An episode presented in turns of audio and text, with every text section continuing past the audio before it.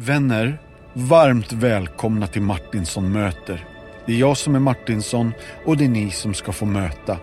Och idag är det Ida-Maria Brängesjö. Hon är riksevangelist i Equmeniakyrkan. Hon är pastor i Missionskyrkan Habo. Hon bloggar och som sömmerska har hon ett eget litet barnklädesföretag.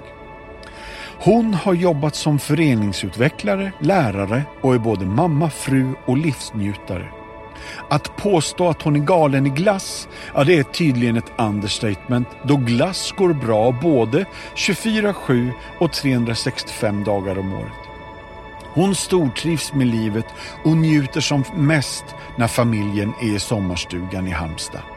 Tron är en resa hon vill hjälpa fler att våga åka med på och därför har hon satsat mycket på alfakurserna, vilket visat sig vara en höjdare. Hon har själv varit på många läger med teamevangelisation och senare undervisat mycket både där och på Hönökonferensen. Hon är gift med Josef och döttrarna Siv och Irma byter kläder ofta. Det är tydligen något som de har tagit efter någon. Martinsson möter har lärt känna Ida-Maria som en modig predikant och nu är det er tur att få höra hennes glassfavoriter i podden. Varsågoda vänner, här kommer Ida-Maria Brängesjö.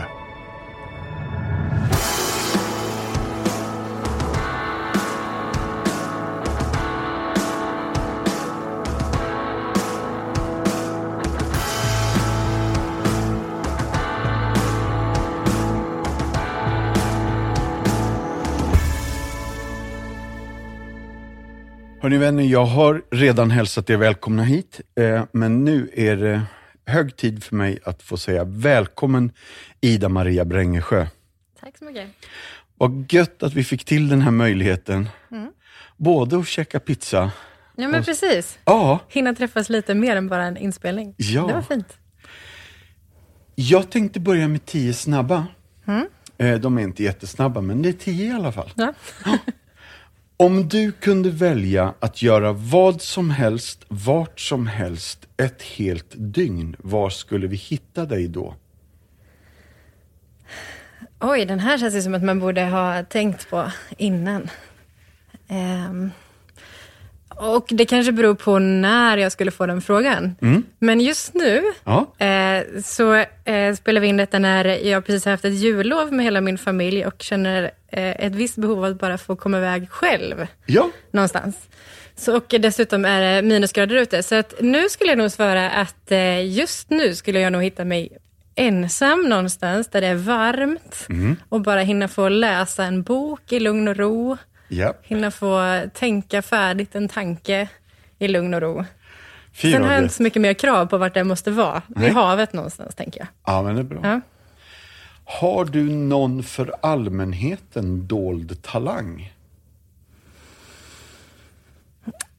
Nej, jag tror inte det. Kan du busvissla, gå på lina, Jag är svälja svärd? jättedålig på att jag kan inte vissla. Nej. Det kanske är min dolda icke-talang, Mm. möjligtvis. Eh, annars så har jag nog inte så mycket dolda saker för allmänheten, tror jag. Nej, Nej, det var dåligt med det. du, det gör inget. Mm. Vad var det värsta jobbet eller sommarjobbet som du någonsin har haft?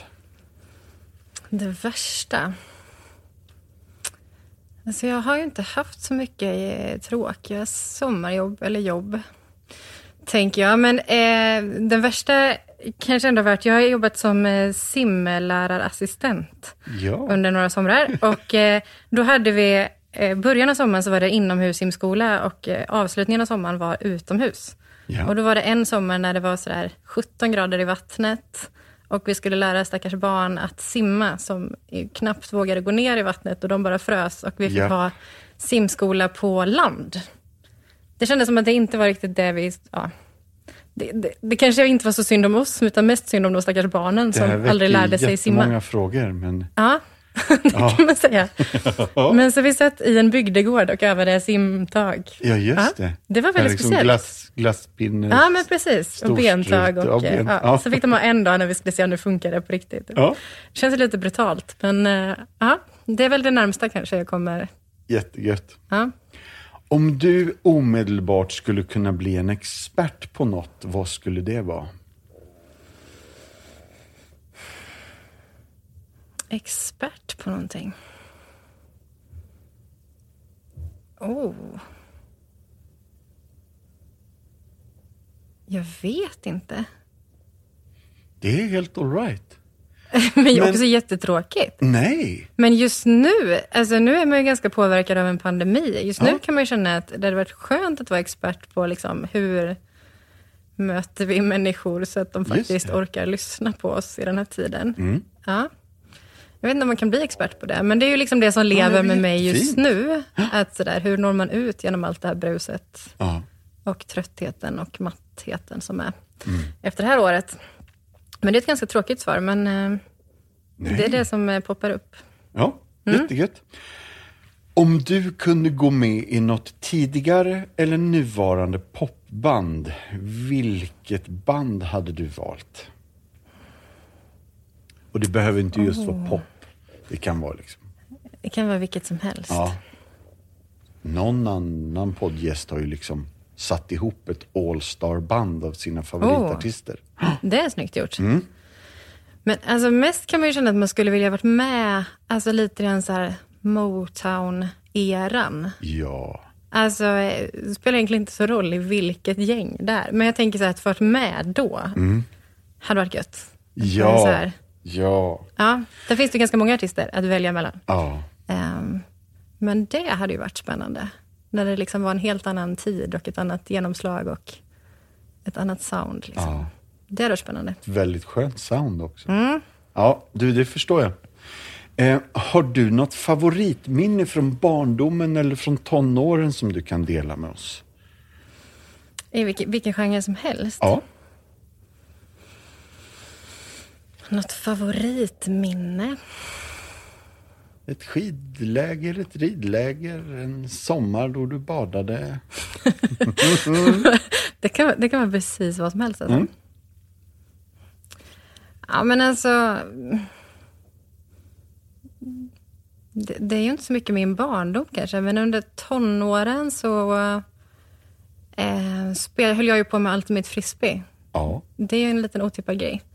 Och det, därifrån finns det ganska många här favoritminnen alltså, som har ett helt annat sammanhang. Ehm, så jag tänker att ehm, någonstans det som är just nu är ju när vi var i Tallinn och spelade EM. Det måste varit ett sånt här favoritminne Ja. från när jag var tonåring. Mm.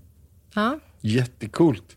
Och det här eh, tänker jag återkomma till, men det här hade nog varit mitt svar på din dolda talang. Ja, ja, ja. du För det tänker här så. vet ju inte vi om. Nej, Nej. en del vet ju det. Jag tänker Ja. att den inte är så dold, men nu Ja. för tiden är den väl det kanske. Mm. Jättegött.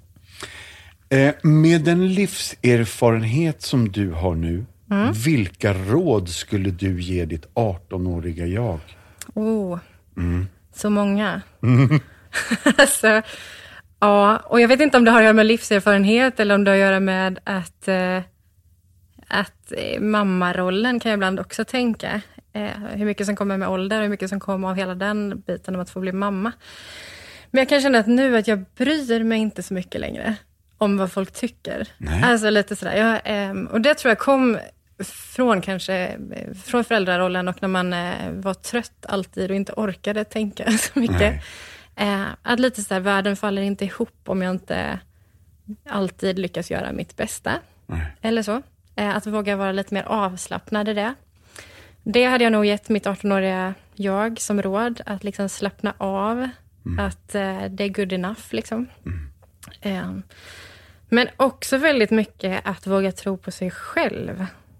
Eh, jag kan känna att jag, när jag ser tillbaka på mig själv som tonåring så var jag ganska osäker och blyg och jämförde mig mycket med andra. Och eh, ja, men kanske inte riktigt trodde på att jag hade något att komma med. Mm. Eh, idag skulle jag nog vilja liksom, titta tillbaka på den där lilla tjejen och säga att eh, här har du liksom gåvor som du ska våga använda och våga tro på. Eh, och vara stolt över. Och att inte alltid försöka ha det som alla andra har, utan se vad som är ditt bidrag. Liksom. Just det. Ja. Åh, vad fint. Ja, men du. Ja, jag måste gå vidare. Ja, gör det. Kan du minnas den första konserten du var på? Störst kanske inte publikmängd utan störst i musikalisk upplevelse. Alltså jag har varit på ganska lite konserter eh, mm. under min uppväxt. Liksom. Vi var inte riktigt den där musikfamiljen. Utan mycket har ju liksom kommit in som vuxen egentligen. Um, alltså typ enda konserten jag kan komma ihåg att jag överhuvudtaget var på som tonåring var ju liksom Gyllene Tider och det var ju kanske inte den bästa musikaliska upplevelsen. så. Ja. Eh, men en av liksom de mest eh, otippade och där jag förstod, alltså nu är jag gift med musiker och då helt plötsligt så får man upp ögonen för annan typ av musik ja. än vad jag kanske haft innan. Eh, och jag kommer ihåg när vi var i Göteborg en helg och så sprang vi på en gammal barndomsvän som var på väg till en konsert med Richard Bone, som är en eh, basist. Liksom. Ja. Jag har aldrig hört talas om, men som är en av min mans stora idoler. Och då eh, ringde vi till Konserthuset och kollade om det fanns några extra biljetter kvar. Liksom. Mm. Och då fick vi en sån här, men det finns några platser med lite dold sikt. Ja visst, de tar vi, sa vi. Och så åkte vi dit och så då är det ju liksom precis nedanför scenkanten. Där satt vi. Så vi såg inte hela scenen, men vi såg ju honom. Oh. Eh, och det var nog en av de här största musikaliska upplevelserna. Alltså att just för mig, att upptäcka en helt annan typ av musikalitet. Liksom. Mm. Ja. Um, och då kan jag ju ha varit 20 kanske. Eller ah. Åh, vilken, vilken grym story och vilken häftig grej att hamna där. Ja, jag verkligen. Fattar. Och framförallt en artist som jag aldrig någonsin hört talas om och ändå förstår att aha, men det finns Musik kan ju vara mycket mer än bara det som går, popdängorna som går på radio, som jag någonstans har levt med under min barndom. Liksom. Just det. Mm. Hmm. Har det någonsin hänt dig något som du inte kunde och kanske fortfarande inte kan förklara? Som ett under eller ett tecken eller ett mirakel? Ja, men det har det ju verkligen. Men jag kommer nog inte på något just nu. Uh... Men alltså, jag är ju benägen att se liksom vardagsunder lite när och var. Det är bra. um, och därför kanske jag inte heller riktigt fäster så stor vikt vid att oj, nu händer det igen. Men, um, um, men jag, jag, tänker att det händer lite allt som oftast saker som jag inte alltid kan förklara. Alltså möten med människor eller situationer man råkar hamna i eller personer man springer på som var så här, varför händer det här liksom? Mm. Um, sen så när jag ska liksom försöka berätta ibland för konfirmander eller liknande, man ska ha en sån här berättelse på när Gud har gripit in. Mm. Då har jag kanske inte de där stora undren, men jag har en sån eh, från när jag åkte bil en sen kväll i en gammal bubbla från 69, du vet, utan servostyrning och utan eh, ABS-bromsar och, och, ja, en sån man inte borde köra på vintern helt enkelt. Och så skulle jag köra hem en natt från Stockholm till Örebro. Eh, och hade inte berättat för någon att jag var på väg och så började det snöa. Och det var liksom så här sämsta tänkbara möjligheten. Liksom. Yeah. Och då vet jag att jag... det här är jättefånigt. Men då eh, så sitter jag där i min bil och får lite panik över hela situationen. Eh, och så gör jag någonting. Jag tänker att man kanske inte får be sådana här böner. Men när jag bara, men Jesus skärp dig. Se till att det slutar snöa. Liksom. Mm. Och på ett ögonblick så bara det slutar. Och sen så kör jag typ en och en halv timme till och så börjar det liksom dala några flingor igen. Och jag bara, men du, vad var det vi sa? Inte än. Liksom. Mm. Och så bara slutade det igen. Och sen så höll det upp tills jag kom till Örebro och sen började det snöa ordentligt. Och det är en sån här jättefånig grej, men för mig då var det väldigt stort. Ja. I alla fall. Um, så jag kanske inte är någon sån där vatten till vin under, men jag tänker att uh, vi lever lite med under hela tiden på något vis. Jag tror att Gladys de Pilar åkte från Örebro till Stockholm och eh, eh, hade väl en eh, dieselbil och tankade bensin i den och klarade sig hela vägen hem. Den är och, bra gjort. Ja, men det är lite ja. samma, samma line, ja, samma, precis. samma orter det är jag, också. Det är jag och Gladys som har mm. den. Ja, fint ändå. Ja. Om du kunde dela en lång trerättersmiddag med fyra individer, som är nu levande eller sedan länge döda, vilka skulle du välja då? Fyra individer. Mm. Mm. Då behöver man också tänka lite grann att de ska funka ihop, kanske. Det är inte säkert. Nej, det är en inte säkert En del har varit helt wild and crazy och gått Ja, bananas. men precis. Eh, jag, jag lyssnade på när Joel hade det här, Ja. fick den här frågan. Och just att, eh, att det var spännande för folk att möta Jesus. Och det är en bra poäng, liksom, att få med Jesus vid bordet. Ehm, så jag, jag kanske snor den från honom.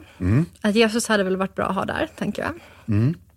Då kan jag bara säga som en bubblare att Ja. Anders Arborelius och Lina Nielsen, de tyckte att Jesus är allestädes närvarande så han är redan där. Ah, smart. Ja, Så han behöver inte vara en av de fyra? nej faktiskt inte. Snyggt. Ja. Ja, ja men eh, den låter ju bra i och för sig då. Eh, Ja, men jag tänker så här, en spännande person ehm, hade ju varit Moder Teresa.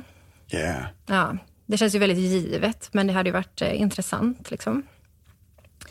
Eh, sen eh, eh, funderar jag på mer vem man har som en sån här känd person som man skulle vilja ha träffat.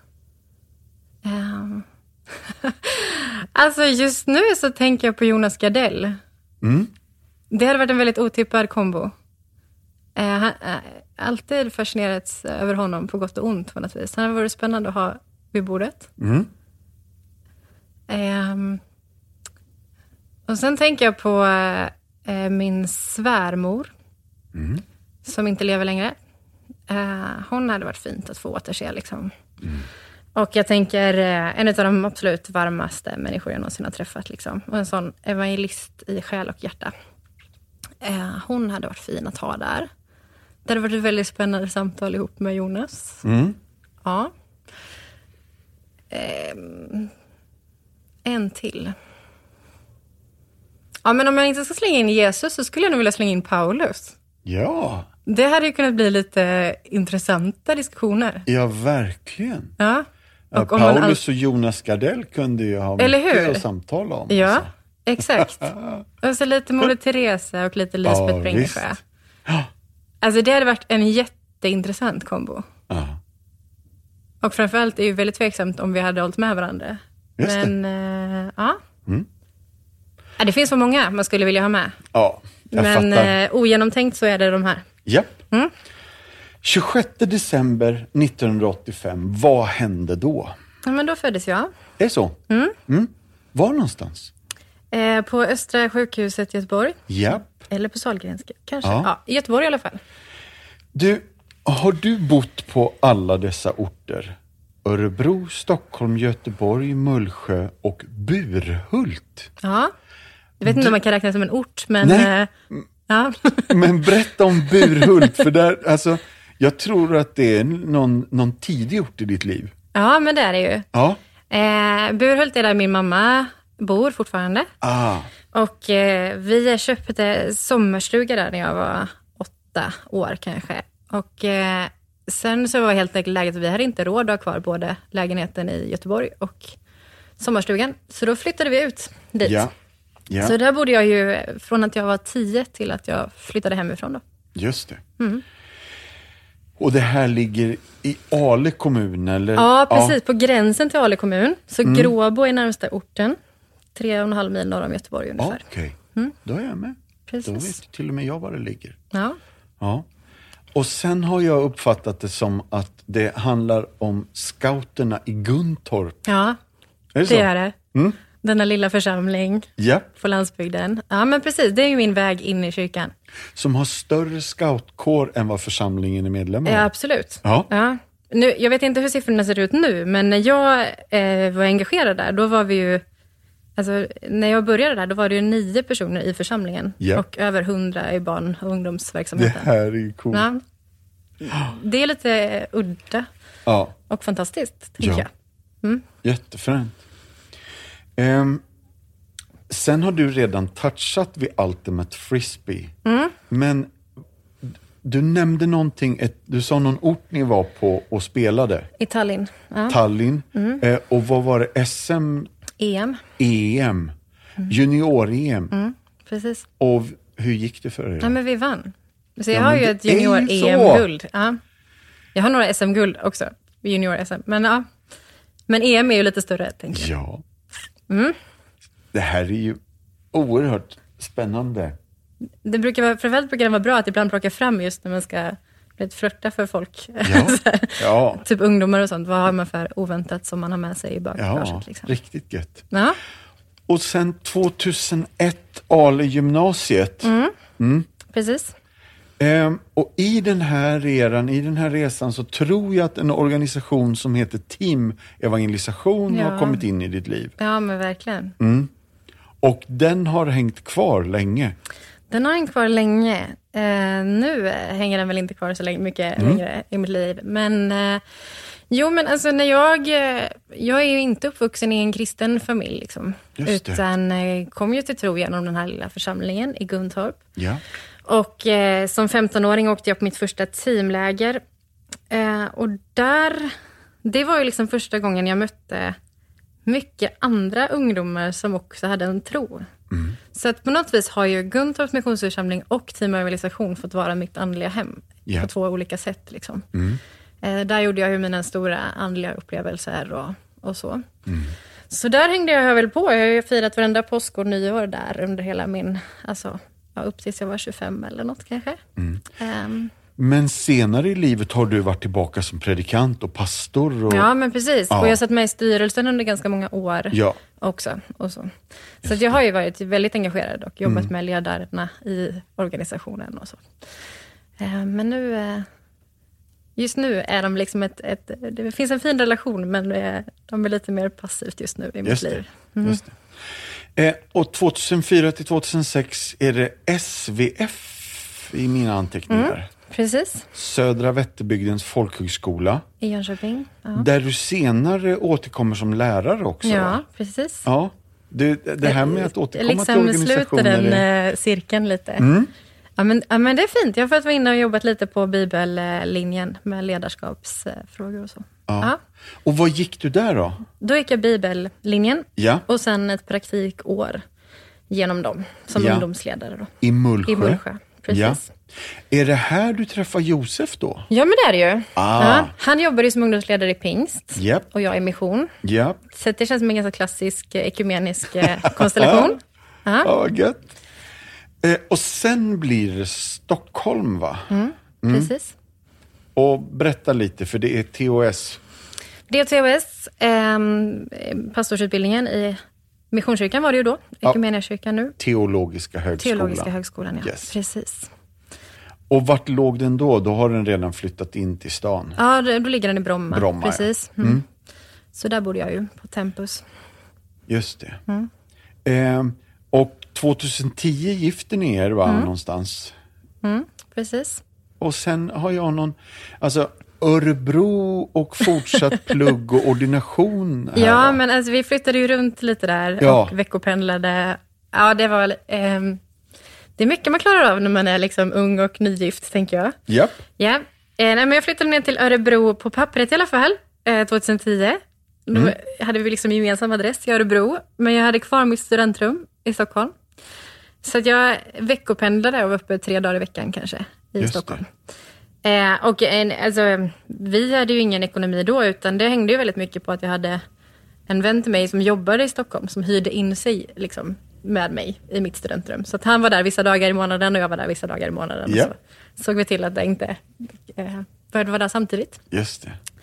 Men eh, så var det. Och sen även när vi flyttade, flyttade tillbaka till Mullsjö sen, eh, efter några månader i Örebro, och då fortsatte jag ju att veckopendla till Stockholm. Så Ja. helt plötsligt kändes ju Örebro och Stockholm väldigt nära jämfört med Mullsjö, Stockholm sen då. Men allt går om man vill, tänker jag. Just det. Och i det här så vet inte jag, du blir anställd som evangelist av Ekumeniakyrkan någonstans i den här vevan. Kan Mm. Ja, du hjälpa först, mig här? eh, först blir jag anställd som eh, ungdomskonsulent faktiskt, i gamla Missionskyrkan. Ja, Eh, samma termin som jag slutar på eh, högskolan. Så att jag jobbade lite 25 procent först innan jag var helt färdig. Eh, och sen så gick ju den tjänsten över till att bli en föreningsutvecklartjänst för Ekumenia. just det. Så det är egentligen det har jag gjort i sju år. Eh, och eh, sista åren där så blir jag också anställd som evangelist på 25 procent. Ja. Och det har jag väl varit i tre och ett halvt år, fyra år. Jag vet inte riktigt när jag blev anställd som evangelist, men Nej. det var ju när jag fortfarande hade min tjänst på Ekumenia i alla fall. Ja. Ja. Men då är man inte i första hand knuten till en lokal församling där man är evangelist. Utan, Nej, precis. Utan jag är anställd av samfundet som Ja. evangelist. Ja, Även om i och med att jag har en ganska liten tjänst så är den ju kopplad till Region Öst i första hand. Eller jag är liksom en del av det arbetslaget. Mm. Men anställd nationellt och en del av evangelistgruppen. Liksom. och vad innebär det då? Det innebär att eh, ja, men den klassiska evangelistrollen har ju varit väldigt mycket att vara ute och predika och haft eh, kampanjer i församlingar och Ja. eh, predikohelger och så. Det är det ju fortfarande väldigt mycket i Ja. det jag gör. Att jag är ute i olika församlingar och uppmuntrar till evangelisation ehm, eller liksom när de gör en satsning, när de vill nå utanför liksom sitt vanliga område så Ja. kan de kalla in mig som talare. Men sen så jobbar vi ganska mycket nu på att försöka tänka lite mer strategiskt. Alltså att vi inte bara ska bli kallade för att ersätta den lokala pastorn, utan att lite mer strategiskt jobba eh, med en församlingsmedvetna evangelisationssatsning. Ehm, Så vi, till exempel regionen, har börjat försöka jobba mer tajt med församlingsutvecklaren och evangelisten. Att, att, eh, men att man gör ett arbete först i en församling och som en del av det kan man göra en satsning mot evangelisation. Och då kan jag få komma in i det, eh, inte bara som gubben i lådan, utan som en del i en större satsning. Så. Just det. Så, och det är väl också ett sätt för att försöka tänka lite mer hållbart, både för församlingens skull och för oss som resers skull. Liksom. Ehm, annars kan vi ju, jag kan känna att vi kan komma ibland och göra en, ett nedslag i en församling och det är fantastiskt härligt och jätteuppmuntrande, både för mig och för dem. Men eh, sen kan man komma tillbaka igen ett år senare och vad har liksom egentligen, vad gav det egentligen så? Så att lite grann försöka tänka, ja, men jag tror att evangelisation idag är lite annat tänk. Det är liksom inte bara de här tältmöteskampanjerna och så blir folk frälsta och så är det färdigt, utan det kräver, eh, kräver tid och det kräver relationer. Och hur kan vi liksom vara en del av det istället då? Just det. Typ så, försöker jag tänka. Ja. Ja. Eh, och det här har varit 25 procent och 75 procent sedan 19 augusti 2018 va? Mm. Har du nu jobbat som pastor i Habo missionsförsamling. Precis, Just det. så är det. Berätta lite om det då. Ja, men det är ju eh, fantastiskt roligt att få jobba i en lokal församling. Jag har ju egentligen inte gjort det på heltid sedan jag blev färdig pastor. Nej, Eh, utan det är ju någonstans första gången jag får pröva på de pastorala vingarna lite. just det. Men, eh, men en fantastisk församling. Och jag har ju en, en ganska ny eh, tjänst egentligen. De har haft eh, en ungdomspastor innan och föreståndare och ungdomsledare då. Ja, Men nu eh, eh, så har man valt att anställa mig istället för en ungdomspastor kanske. Eh, som är mer riktad just mot evangelisation och 25 till 40 års åldern var tanken från början i alla fall. Att eh, eh, Habo har vuxit jättemycket bland barnfamiljer det senaste och Ja. även församlingen. Eh, men vi har inte riktigt hunnit med att tänka, hur jobbar vi där i de åldrarna? Så det är väl vad jag blev anställd för. Och sen, så, sen är det klart jag kommer med mycket liksom, utvecklingsfrågor med mig från att ha jobbat med det innan. Så att, eh, är, jag har ju lite svårt för att inte gå in i de bitarna också. Så. Men ja, det är vad jag gör. Eh, om jag har fattat det rätt så syr du barnkläder och bloggar. Mm. Bara berätta om de här grejerna också då. Ja men, ja, men bloggar jag inte så mycket just nu. Men jag syr barnkläder och Mm. jag eh, nu även mer och mer kläder till mig själv. Yeah. Det har jag inte gjort innan, men det har börjat hända nu. Ja. Eh, nej men alltså jag är ju lite för rastlös som person tror jag. Så när jag blev föräldraledig, alltså det var ju jättejobbigt. Då behövde jag ha något att hitta på. Ja. Och som inte hade med mitt jobb att göra. ja. Och Siv är sex år och Irma är fyra. Fyra, precis. Ja. Vilken koll du har. Ja. Eh, ja, men så då när Siv föddes så började jag sy. Eh, eller jag hade snarare en vän till mig som skulle flytta och hon syr massor. Så hon kom hem till mig och sa att jag behöver någonstans att ställa min symaskin så att jag faktiskt packar flyttlådor och inte sitter och syr. Så jag tänkte ställa den här hos dig. Och Ja. jag tänkte lära dig hur du gör först. Ja. Så på den vägen är det egentligen. Och eh, då har jag ju lite svårt för att nöja mig med att bara sy. Utan eh, startade ett företag med det. Och drog igång en hemsida och en webbshop och eh, sydde på Så beställning. är det. Ja. Jättecoolt. Och också så här, jag vet inte riktigt om det är sömnaden jag tycker är roligast eller om det är liksom allt runt omkring. Nej. Det här företagstänket och marknadsföring. Och, ja, men jag tycker det är spännande. Det är kreativa. Och Liksom. vad heter det här då? Milk and Honey Collection Milk and Honey. Mm. Jättegött. Ja. Lite biblisk referens också. ja, men eller hur? Ja. En liten, eh, liten underkoppling får Ja, jag minnas på något vis. Ja. Eh, skulle det här också eh, svara på påståendet, det här kan vara en av anledningarna till varför Ida-Maria och Siv och Irma byter kläder så ofta? Ja, det Ja. kan du göra. Ja. absolut. Det, det är ju en mycket rimligt påstående faktiskt. Ja. Ja. Eh, här kommer ytterligare ett påstående. Är du en sucker för glass? Ja. Mm. ja. Det, det är ingen hemlighet. Det är ingen hemlighet. Nej. Och går det alltså att äta glass mitt i vintern också? Det går alltid att äta glass. Det är så? Det, man ska alltid ha ett fack i frysen som bara är fyllt med glass. Ja. Ja, och inte så här... Ja, men nu har vi barn, så nu börjar det komma in lite av de här GB-förpackningarna. Ja. Men annars är det inte dem. Utan framför allt, allra helst Lejonet och björnen, Ja. Göteborg liksom. Eh, men annars all, all annan typ av fin glass. Ja, jag fattar.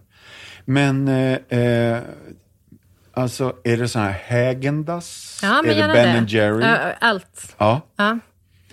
Pratar vi ganska konventionella smaker eller är det så här wild and crazy överraskningar? Men nog lite blandat kanske. Ja. Ja, alltså jag kan ju tycka om att prova lite annat. Alltså favoriterna är ju självklart lakritsglassen från Mm. Lejonbjörnen. Ja. De har även en saffran honungglass som är väldigt fin. Yeah. Den är lite otippad. Det var också. otippat. Ja. Eh, annars är, funkar ju alltid italiensk choklad. Ja. Ja. Men Hägen... Nej, vilken var det? Var det Hägen? Nej, Ja, det- Lejonet och björnen Ja, är liksom top of the line Ja, för dig. absolut. Ja, det förstår jag. Det är sån glass Häagen-Dazs Jesus har en äter. salted caramel som är väldigt fin också. Ja. Ja. ja. Det här kan vi grymt. prata om i ett helt poddprogram om man Ja, skulle men det vilja. här är viktiga grejer. Absolut. Ja. Ja. Ja, ehm, sommarstuga i Halmstad. Ja. Är det så? Ja, den är inte våran, men vi åker snålskjuts på den. Mm. Det är min svärfars stuga som är där nere. Just det. Så eh, där är vi ju så mycket vi kan. Men det är en väldigt liten stuga på 53 kvadrat kanske. Ja. Så man får liksom anpassa vilken familj som ska vara där och så. Men, ja. men, ja, men det är ju verkligen ett, eh, ett tillflyktsort lite. När man bara behöver få pausa eh, tillvaron. Alltså både att jag åker dit själv eller att vi åker dit som familj när vi, nu har det varit lite för mycket. Nu flyr vi en helg till Halmstad. Ja. Ja. Ja, det förstår jag. Du, eh, två rubriker i tidningen Dagen. Vi behöver tänka om när det gäller evangelisationen. Och den andra är Något går sönder i mig när lovsång hånas. ja, just det. Kan inte du bara hjälpa mig? Bara berätta lite, vad ligger bakom de här? Du har redan snuddat vid den första. Men vi behöver tänka om när det gäller evangelisationen. Ja, just det. När är den ifrån? Vet inte. Nej, inte jag heller. Mm. vad, vad spännande. Eh, jag funderar på när den kan ha kommit. Men ja, precis. Den eh, lever jag ju med alltid. Ja, På jag något hör vis. det. Eh, att jag tror att vi behöver hitta nya vägar för evangelisation Ja. i vår tid. Eh, jag tror inte att det är så kört att nå människor i vårt land som vi ibland vill tro. Liksom. Nej. Men att vi, eh, vi måste hitta nya sätt. Och jag tänker att den här eh, pandemin har ju varit på så sätt tacksam, kan jag tänka. Att vi faktiskt tvingas tänka om som kyrkor och kanske behövt ta en hel del steg som kyrkor som jag tror har varit nödvändiga. Eh, och hade varit nödvändiga ändå, men nu har vi behövt göra dem lite snabbare. Att faktiskt liksom se den digitala arenan som faktiskt finns och fundera över hur når vi människor på andra sätt idag. Eller så. Eh, men också att jag, att jag tänker att evangelisation idag är liksom ingen quick fix-lösning, utan det handlar väldigt mycket om relationsbygge eh, och att våga vara tydlig med vad det är vi faktiskt står för. Att jag tänker att det finns en längtan i väldigt många i vårt samhälle att kyrkan ska våga vara tydliga. Ehm, och att vi kanske behöver Ja, men ibland kan jag tänka att det är vi själva som har lite dåligt andligt självförtroende. Ja. Eh, och att vi inte tror att människor efterfrågar det vi har. Men eh, de flesta som jag möter utanför kyrkan så är det ju lite snarare tvärtom. Att, jaha, men du jobbar som pastor, vad intressant. Och, ja, men jag tror nog också lite på Gud. Eller hur tänker du om det här? Ja. Alltså att samtalet ligger ganska nära för väldigt många. Eh, men att vi kanske ibland backar själva liksom, redan innan som kyrkor. Ja, men så evangelisation är ju någonting som alltid... Eh, ja, men det har nog alltid funnits där. Att det måste finnas, måste finnas vägar ja, att nå människor helt enkelt. jag fattar. Det låter som prio ett, ungefär som Ja, men jag glassen där med... Exakt, ja, lite Ja. mer prio än glassen till Ja. och med kanske. Ja, men jag tänker att det är väl det enda uppdraget vi egentligen har tydligt, liksom, att Ja. nå, möta människor med budskapet om Jesus. Och då måste vi hitta vägar för att göra det. Jag, jag hörde någonting om någon alfakurs hos er Mm. som nyss, ganska, det, det flög, det lyfte. Det flög ja, Ja. precis. Och sen är det den här pandemin som vi brottas lite med Ja. samtidigt. Men, ja, men precis, vi drog igång ehm, Ja, men alfa är ju ett fantastiskt redskap och det vet ju du också, tänker jag, att Mm. alfa är bra. Ehm, och jag tänker att det är ett av de liksom tydligaste vägar vi har för att berätta om Jesus just, nu. Och alfa är den här kursen man gör i 10-12 veckor. Ja, men precis. Man ses en gång i veckan, äter tillsammans, föredrag och sen får alla frågor ställas. Yes, exakt. Och vi eh, var väl lite inne på att ja, men går det att göra en alfakurs i en pandemi? Mm. Så. Eh, Det är ju ganska många som har bevisat att det går. Ja. Men eh, vi, och det här kom ju vi någonstans efter sommaren när det fortfarande gick att öppna upp en del. Så, och då satsade vi på att starta igång en alfa och vi gjorde det på en restaurang här i Habo Yeah. eh, som heter Lustfyllt. Som ligger nere vid Vättern. Liksom ett sånt där utflyktsmål där många åker om man ska lyxa till det lite sådär. Ehm, inte för att det är en lyxrestaurang utan mer för att det är ett mysigt ställe att åka till. Just det. Ehm, samt att det också är ett ställe som, eh, de har en hel del andra saker än bara restaurang. De har lite yogakvällar och de har lite, alltså det finns en öppenhet där för lite andra saker. Eh, vilket gjorde att en del av de deltagarna vi haft med under alfan har ju varit där på sådana saker också. Att platsen är liksom neutral. Och sen drog vi igång och tänkte att vi spann lite på det här att men, nu är det väl ganska många som har existentiella frågor från den här pandemin. Att vad är egentligen livet värt? Och kanske är det värt att ta chansen att prata om dem nu. Eh, så vi hade ju 30 stycken som anmälde sig till den här. Yeah. Eh, så det var ju, ja, har ju varit lite så här, hur många kan vi egentligen ta in och när börjar vi toucha gränsen för vad som är coronavänligt? Och, ja, men sådär.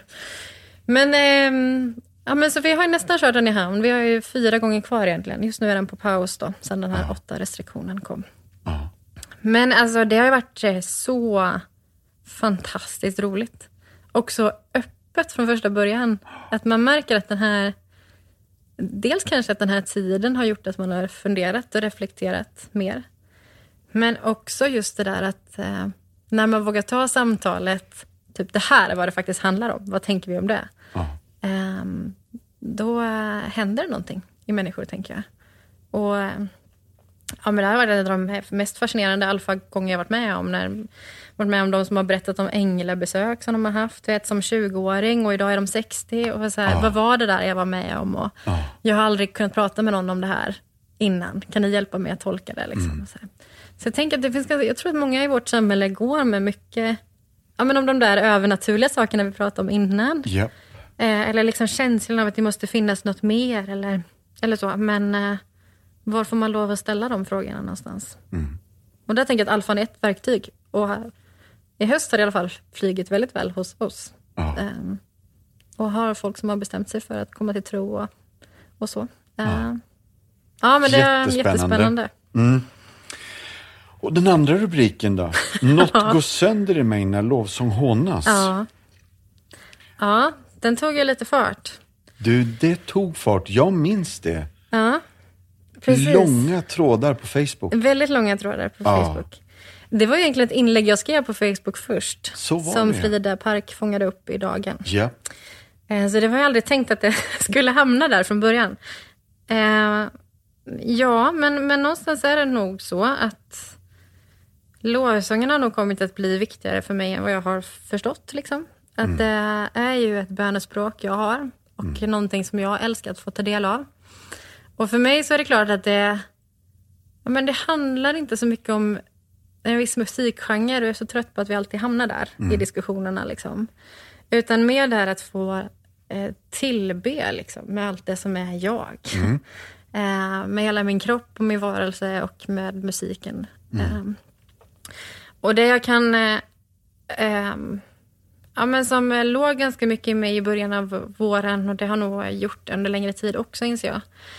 Är ju just det här i hur man i kyrkliga sammanhang liksom lyssnar till en röst ofta. Eh, och efter den här diskussionen så inser jag att det är olika vilka kyrkor man har varit i. Så om man lyssnar till den nyare genren som vill ha mer den här poppigare lovsången och då går man bara på den och så glömmer man de äldre. Eh, Medan i de sammanhang jag har varit mer i så är det kanske psalmsången och den mer sakrala sången och eh, stillheten och tystnaden som får... Det är de vi liksom inte får tappa bort eller trampa på tårna. Och så kan jag märka att, att det finns en annan längtan där och en generation som vill mycket. Och inte bara en ung generation, utan det är ju människor i min ålder och människor i mina föräldrars ålder som vill en annan genre. Men det är lite mer okej att ibland tala nedlåtande om. Liksom. Just det.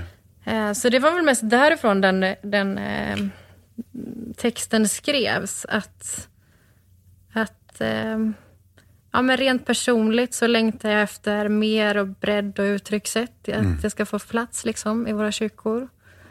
Och också att jag tror att vi behöver liksom hitta ett annat tonläge i debatten. Att komma tillbaka till vad lovsång faktiskt egentligen handlar om. Att det är väl ingen som är emot tillbedjan. Och hur den tar sig uttryck kan se väldigt olika ut. Och det finns inget sätt som är mer rätt än något annat. Liksom.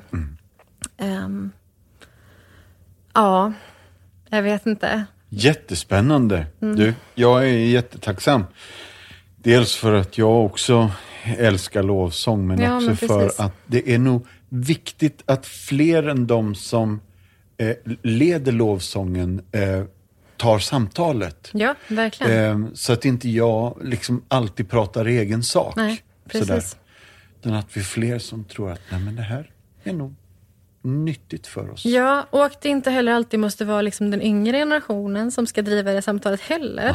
Eller för jag kan känna så här, men jag är 35. Det är ju inte som att jag är tonåring längre. Men det här är fortfarande en viktig del för mig och i min tillbedjan.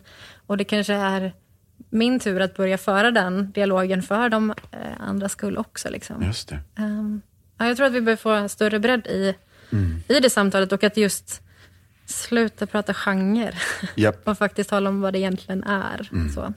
Jättefint. Gott. Vilket viktigt bidrag in Mm. i, i, i eh, dialogen Ja, men precis. bland, eh, vad ska vi säga, Kristi kropp. Liksom. Mm. Verkligen. Församlingen får, får stötta och blöta de här frågorna Mm. några vänder till. Ja. Bra. Du, nu tänkte jag ta några minuter och eh, berätta lite om Compassion. Först så berättar jag en berättelse och du får gärna flika in. Eh, men framförallt vore det jättespännande om vi sen har ett samtal om de stora fattigdomsfrågorna eller hur vi bekämpar fattigdom. Liksom, lokala församlingar, hur gör vi, hur tänker vi, hur ska det här se ut i framtiden? Men först en berättelse då.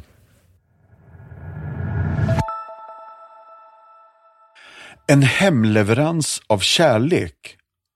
Kokon är en dövstum pappa som hälsar sin tioåriga dotter Shrabanti med ett stort leende och med händerna så teckentolkar han ett speciellt godmorgon-hälsning till henne. Men i år har hans leende förvandlats till ångest eftersom han inte kunnat arbeta som barberare under hela karantänen 2020. Snabbt tog maten slut och som om inte det vore nog så krävde hyresvärden den försenade hyran och Kokon kunde inte se en utväg ut ur deras desperata situation. Inflationen av priset på grönsaker förvärrade situationen. Till och med släktingar hade börjat ignorera familjens uppmaningar om hjälp. I början av pandemin insåg jag att pappa var olycklig och inte längre log som förut, säger Shrabanti. Mamma log inte heller och brukade spendera mer tid med pappa och tala på teckenspråk. Den enda ljuspunkten under karantänen var Shrabantis Compassion-handledare som ringde regelbundet för att kontrollera hur mår familjen. När vi ringde ett samtal till Shrabanti så hörde vi att hon bara fått en måltid med torkad fisk, potatis eller ris, vilket inte räcker för att uppfylla hennes dagliga näringsbehov, berättar Gilbert som är projektledare på centret. Men en dag när Shrabanti tittar på TV för att hålla sig distraherad från problemen hemma så hör hon ett knack på dörren. Det lät inte som pappas eller brorsornas knack och till hennes stora förvåning så var det handledaren Lima från Compassion-centret. Shrabanti hade ett stort leende bakom sin ansiktsmask. Vanligtvis så skulle hon ha slängt sina armar runt Lima, men nu kom hon ihåg vad hon hade lärt sig om social distansering och fick istället ropa Hej fröken!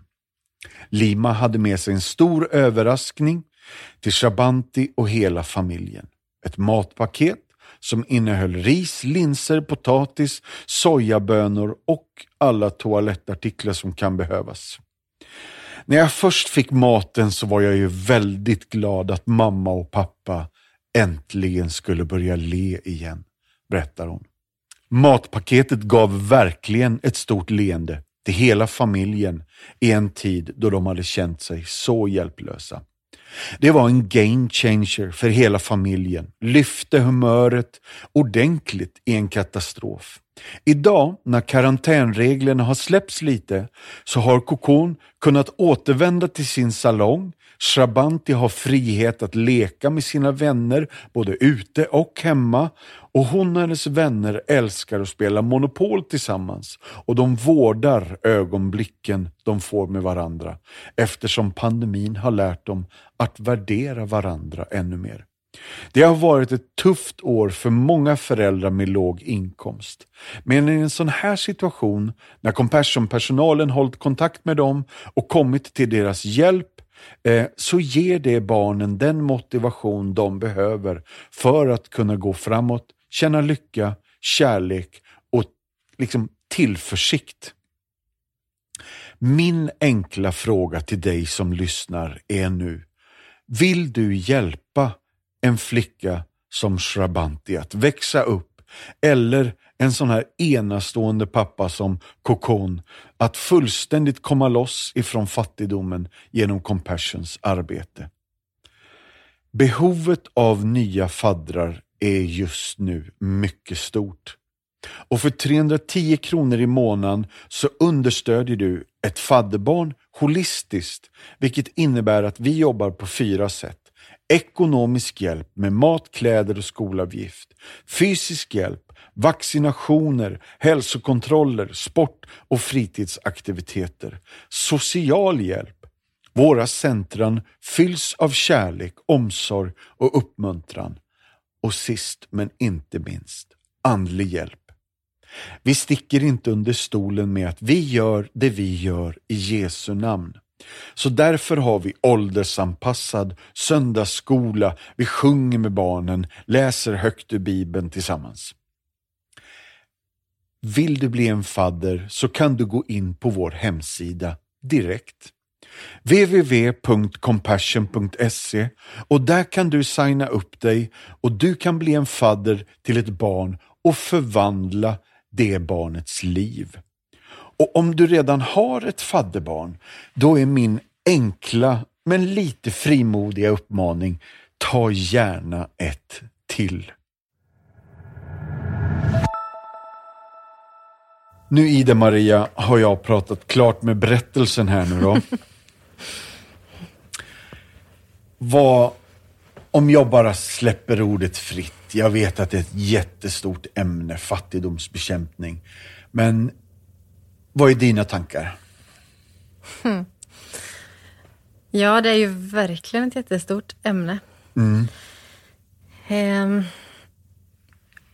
men framförallt tänker jag ju att vi skulle kunna göra så mycket mer. Mm. Alltså att vi... Eh, jag tänker att vi ofta liksom glömmer bort att vi är så otroligt privilegierade mm. som vi är. Eh, och att det går att göra så mycket med ganska lite medel. Liksom. Ja. Um, och det är, ju, det är ju det som jag kan tänka, alltså som just Compassions arbete eller andra organisationer, liksom, att verkligen få lyfta det. Um, men ja, ja, vad ska man ens säga liksom? Ibland kan jag tänka att vi är så inne i våra egna, våra egna bekymmer och mm. våra egna problem. Och så tänker vi att det här är liksom livskrisen. Så, uh, att vi glömmer bort att det finns uh, en så stor del av världen som har det så mycket värre och där våra bidrag kan göra väldigt mycket. Mm. Um. Och när livskriser händer, mm. vilket det har gjort det här året. Ja, men verkligen. Då, då minskar vi ju vår värld mm. eh, för att klara oss. Mm. Eh, och i den isolationen så känner jag, det finns fortfarande möjlighet att förändra andras liv. Ja, precis. Eh, så trots att världen har blivit mindre så finns möjligheten till den att den faktiskt kan bli större. Ja, men och jag tänker det är inte bara vi som har gått igenom en kris det här året. Liksom. Utan det här har ju slagit, precis som du läste i berättelsen, så har det slagit en, om ännu hårdare på de som redan har det svårast. Yep. Um, så det, och det perspektivet är också ganska lätt att tappa bort för att vi snävar in i vårt eget. Liksom. Just det. Men jag tänker att det är ju det är en biblisk princip att genom att hjälpa någon annan så mår jag bra av det också. Yep. Um, och det är väl, uh, tänker att man ska inte hjälpa andra för sin skull, men det är ju också någonting att faktiskt i, i min kris och det jag går igenom, att lyfta perspektivet och se att jag kan få bidra till någonting, är ju också ett sätt för mig att få, uh, att få lite tillbaka. Betyda liksom. någonting, ja, men precis, absolut. Exakt. Och få liksom släppa mitt eget ibland, tänker ja. jag. Så det är väl, ja, vi skulle kunna göra så mycket mer. Ja. ja. Vi i Compassion tar ju hand om 2,1 miljoner fadderbarn i världen. Mm. Och ibland kan det ju bli så stort för att liksom, ja, 2,1 miljoner, liksom, vilken nytta gör då lilla jag i det här? Men här tror jag att här finns en nyckel i att det faktiskt blir väldigt konkret. Ja, verkligen. Exakt, det blir att, inte bara pengar in i mängden. Nej, utan, mm. Utan jag hjälper det här barnet. Mm, den här familjen. Exakt. Oh. Ja, men jag vet att det var en, första gången jag hörde talas om Compassion överhuvudtaget var mm. när jag var på en konferens i Leeds i England. Eh, på en kvinnokonferens där och som också då samarbetar med Compassion. Så då hade de en insamling till det och att man kunde få ta sig an ett fadderbarn. Liksom. Mm. Så då hade de såna förordnade kuvert med bilder på alla barn. Och så fick man ju med sig bilden på barnets hem där ja. och då. Liksom. Och då vet jag att, det, att jag just slogs av det. Att det blev så konkret och så eh, naturligt sätt att få vara med och hjälpa till. Ja. Och att det blir verkligen just det här att man får känna att det jag gör och det vi kan bidra med som familj eller som privatperson, alltså att det faktiskt betyder någonting för den här människan. Ja det kanske inte är så stort i det hela stora, men för den här människan så gör det skillnad. Ja. Och det tänker jag är ju en av eh, styrkorna, skulle jag säga, med ja. Compassions arbete. Mm. Att det får bli personligt på något vis. Mm. Och att man också kanske är beredd att ge mer när jag vet vart det går till. Eller liksom offra lite mer av det jag har, för jag vet att det här går till den här personen och jag vet var det hamnar någonstans. Och mm. att vad det faktiskt får för konsekvenser för den människan. Eh, mm. istället för att det bara blir abstrakt. Liksom. Ja.